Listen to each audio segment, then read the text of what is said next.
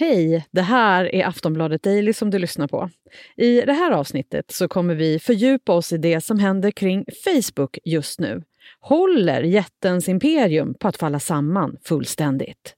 A Facebook whistleblower has told US lawmakers that she believes Facebook's products harm children, stoke division and weaken democracy. Frances Haugen has been telling a Senate hearing that Facebook's leaders know how to make their products safer but won't because they've put their astronomical profits before people. This just a day after a global outage prevented access to Facebook and its sister sites, WhatsApp and Instagram, for several hours. Billions of people were affected, showing just how dependent the world has become on a company that's under intense scrutiny. Ja, det har svajat rejält kring Facebook den senaste tiden. För några veckor sedan så låg Facebook nere för miljontals användare.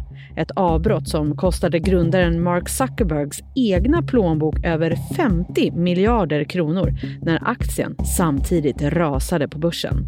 Och i samma veva så vittnade visselblåsaren Frances Haugen i den amerikanska senaten. I'm here today because I believe Facebook's products harm children, stoke division, and weaken our democracy. The company's leadership knows how to make Facebook and Instagram safer, but won't make the necessary changes because they have put their astronomical profits before people. Frances Haugen larmade om att företaget inte klarar av att stoppa hat och desinformation på sina plattformar. Hon berättade också att Facebook tiger om att unga tjejer mår dåligt av sociala medier. Haugen vittnade också om att Facebook vet exakt hur man ska göra sina plattformar säkrare men struntar i att åtgärda dem. Istället väljer de att tjäna pengar. Facebook har idag nära 3 miljarder användare varje månad. Men man äger också Instagram, Messenger och WhatsApp som också har miljontals följare. Tidigare så har företaget anklagats för bland annat valfusk och att man sprider fake news kring både politik och pandemin. Men trots det så har Mark Zuckerberg och hans team inte gjort några större förändringar, vilket Frances Haugens vittnesmål visar. Hur mår egentligen Facebook just nu? Vad händer med jätten om de inte vidtar åtgärder? Och finns det ens en framtid för Facebook? Som sagt, det här försöker vi reda ut i det här avsnittet. Jag heter Jenny Ågren och du är varmt välkommen till Aftonbladet Daily. Och gäst idag det är Emily Svensson, vår korrespondent i USA. Och hon börjar med att berätta om hur Facebook faktiskt verkar må just nu. De har ju varit i blåsväder och kritiserats många gånger förr, men det här är den största skandalen på flera år.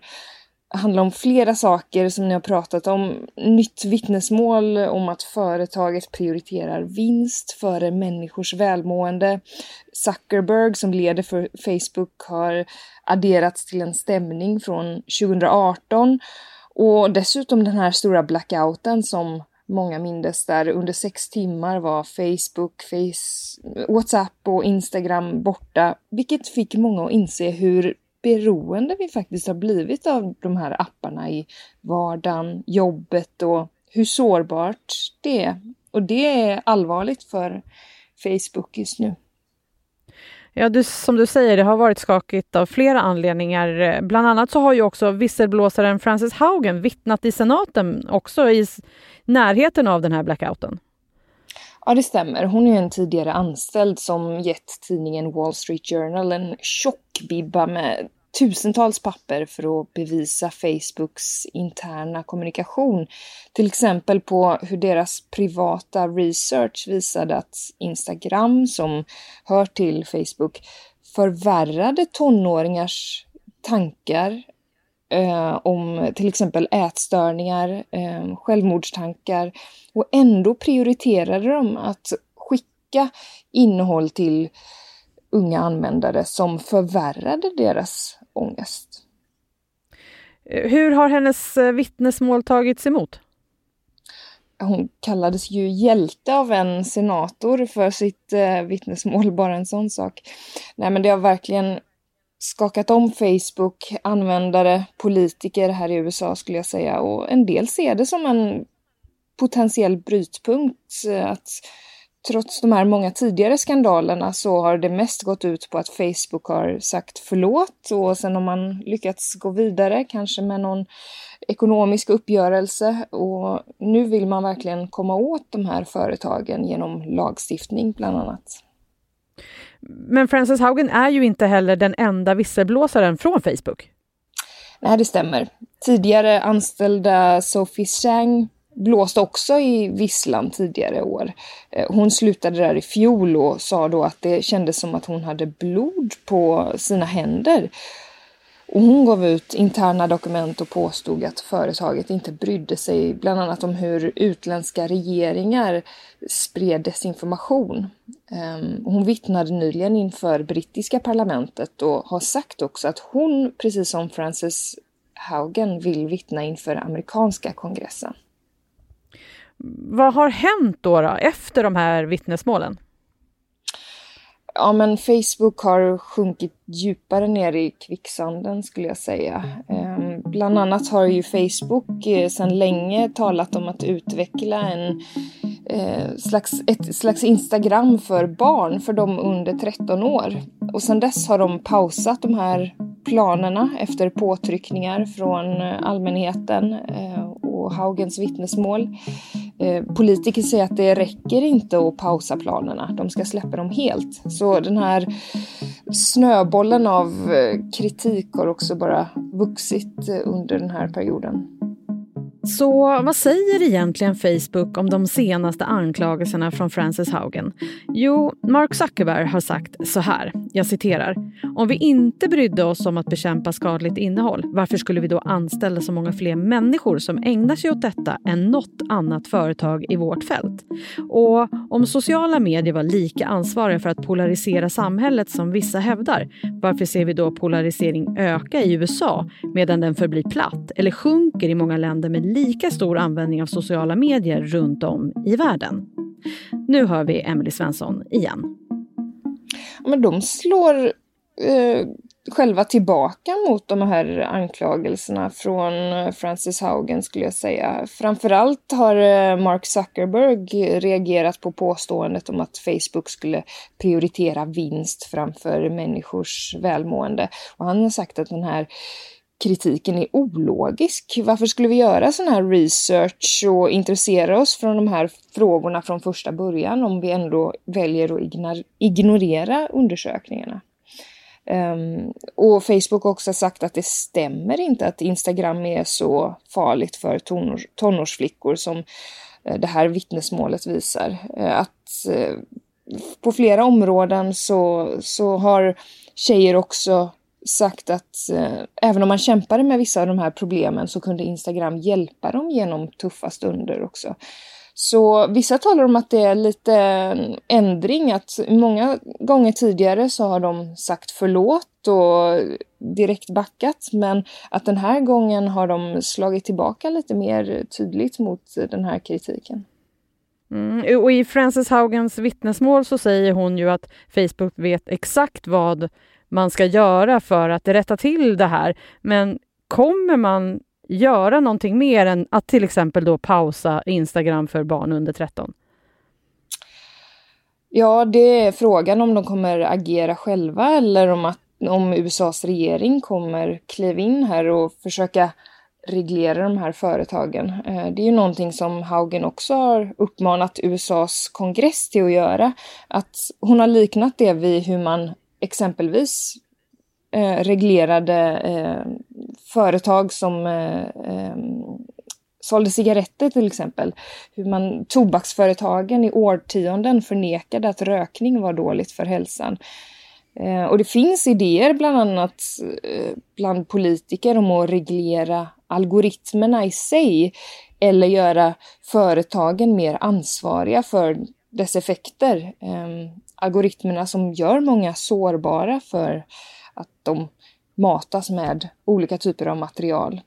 Ehm, och tidigare har man mer pratat om att företagen måste moderera vad som får och inte får postas på de här eh, plattformarna. Men nu vill man snarare gå till hjärtat av problemen. Nästan, nämligen hur de här sakerna sprids. Frågan är bara hur man gör detta och hur det kan åstadkommas. Så politikerna är överens om att man vill göra något men inte exakt vad och hur. Samtidigt som allt det här pågår så pratar man också om att Facebook ska byta namn. Är det någonting som man gör för att försöka tysta ner det övriga? Ja, just det. Och det här handlar ju inte om eh, plattformen i sig utan företaget som heter Facebook. Facebook har sagt att de kommenterar inte de här ryktena eller spekulationer som techsajten The Verge rapporterat om kan ske redan i denna veckan. Men tajmingen är ju läglig. Många talare om eh, Många talar om det som ett försök från att bryta från sitt lite fläckade varumärke mitt i denna PR-krisen. Och vad tror man kommer hända med Facebook om man inte åtgärdar de här problemen? Ja, men de skulle kunna regleras av eh, USAs regering på olika sätt. Eh, senatorer i USA som inte verkar kunna komma överens om mycket annat här i landet just nu verkar ändå vara rätt förenade i detta och lovade Haugen att man skulle hålla Facebook ansvariga. Så frågan många ställer sig nu är, är det nu det händer? För Facebook har ju överlevt många tidigare skandaler. Eh, man har kallat in techcheferna för utfrågningarna så att de ska skämmas lite grann utan att egentligen agera efteråt. Förra året så träffade jag Brittany Kaiser här i New York. Ehm, hon är visselblåsare på dataanalysföretaget Cambridge Analytica som Facebook arbetar med inför valet 2016, vilket var den största skandalen innan detta. Ehm, och hon varnade för att Facebook manipulerar amerikanska väljare med desinformation och riktade annonser, att man samlar in personlig data för att skapa psykologiska profiler som rikta in sig på exempelvis väljare eh, i Clinton-lägret för att, från att gå och rösta. Och då fick Mark Zuckerberg åka till eh, DC och säga ungefär oj förlåt. Och så gjorde man en ekonomisk uppgörelse på 5 miljarder dollar med USAs konsumentverk. Men några lagar ändrades egentligen aldrig för att förändra företagets missförhållanden. Och den här gången tror många ändå att det kan vara en brytpunkt. Att sociala mediers farliga effekter på barn och unga är något som man kan enas kring över partilinjerna. Och det är lättare att förstå den här skandalen än den tidigare med Cambridge Analytica för amerikaner generellt. Ehm, och vissa tror att kongressen kan få igenom lagar där det är mer troligt att de skyddar barn på nätet istället för kanske bredare reformer som kommer åt de här företagen. Ja, Okej, vi får se helt enkelt vad som händer. Men finns det hos Facebook en oro för att folk liksom kommer lämna för snällare plattformar? Ja, frågan är bara vilken eh, plattform som är snäll. Och dessutom äger ju Facebook flera plattformar, Instagram, WhatsApp. Efter 17 år så är ju Facebook så integrerat i vår vardag. Det är svårt att bara välja något nytt. Eh, när man har sina bilder, minnen, vänner på ett ställe. Eh, många använder det för sitt jobb, för att kommunicera, driva sitt företag och det här vet ju Facebook. Ehm, så även om den här skandalen skakar om dem tror jag, så vet jag inte hur oroliga de verkligen är för att folk ska lämna i stora eh, drivor. Mm. Och vi vet ju hur man pratar om Facebook här hemma i Sverige. Du bor i USA, i New York. Hur snackar man där om Facebook? Har man börjat tröttna? Ja, det är komplicerat. Jag tycker allt fler röster höjs mot Facebook och generellt mot big tech. Många tycker det är oroväckande. Um, men som sagt, personer jag har pratat med, de, de, tycker att det är så invävt i vardagen. Det är svårt att bara lämna när du kanske bara har den kontakten med dina gamla klasskamrater. Och någon som jag pratade med sa att man vill se när de köper en ny valp eller ett hus och vi har vant oss vid det. Och sen de senaste åren har vi också hört konservativa som tycker att de här företagen censurerar just konservativa röster Eh, där Trump längst fram eh, pratar mycket om det här på sina valmöten som jag har varit på och många av hans anhängare tycker samma sak. Och han lanserar ju en egen plattform istället exempelvis. Vi, vi får se vad det här tar vägen helt enkelt och om Facebook kommer fortsätta stå ohotade eller om det kommer fler utmanare. Det säger Emily Svensson som är vår korrespondent i USA. Jag heter Jenny Ågren och du har lyssnat på Aftonbladet Daily. Vi kommer ut med nya fördjupande avsnitt varje vardag så du får gärna följa oss i din poddspelare så missar du inga avsnitt. Vi hörs snart igen. Hej då! Du har lyssnat på en podcast från Aftonbladet. Ansvarig utgivare är Lena K Samuelsson.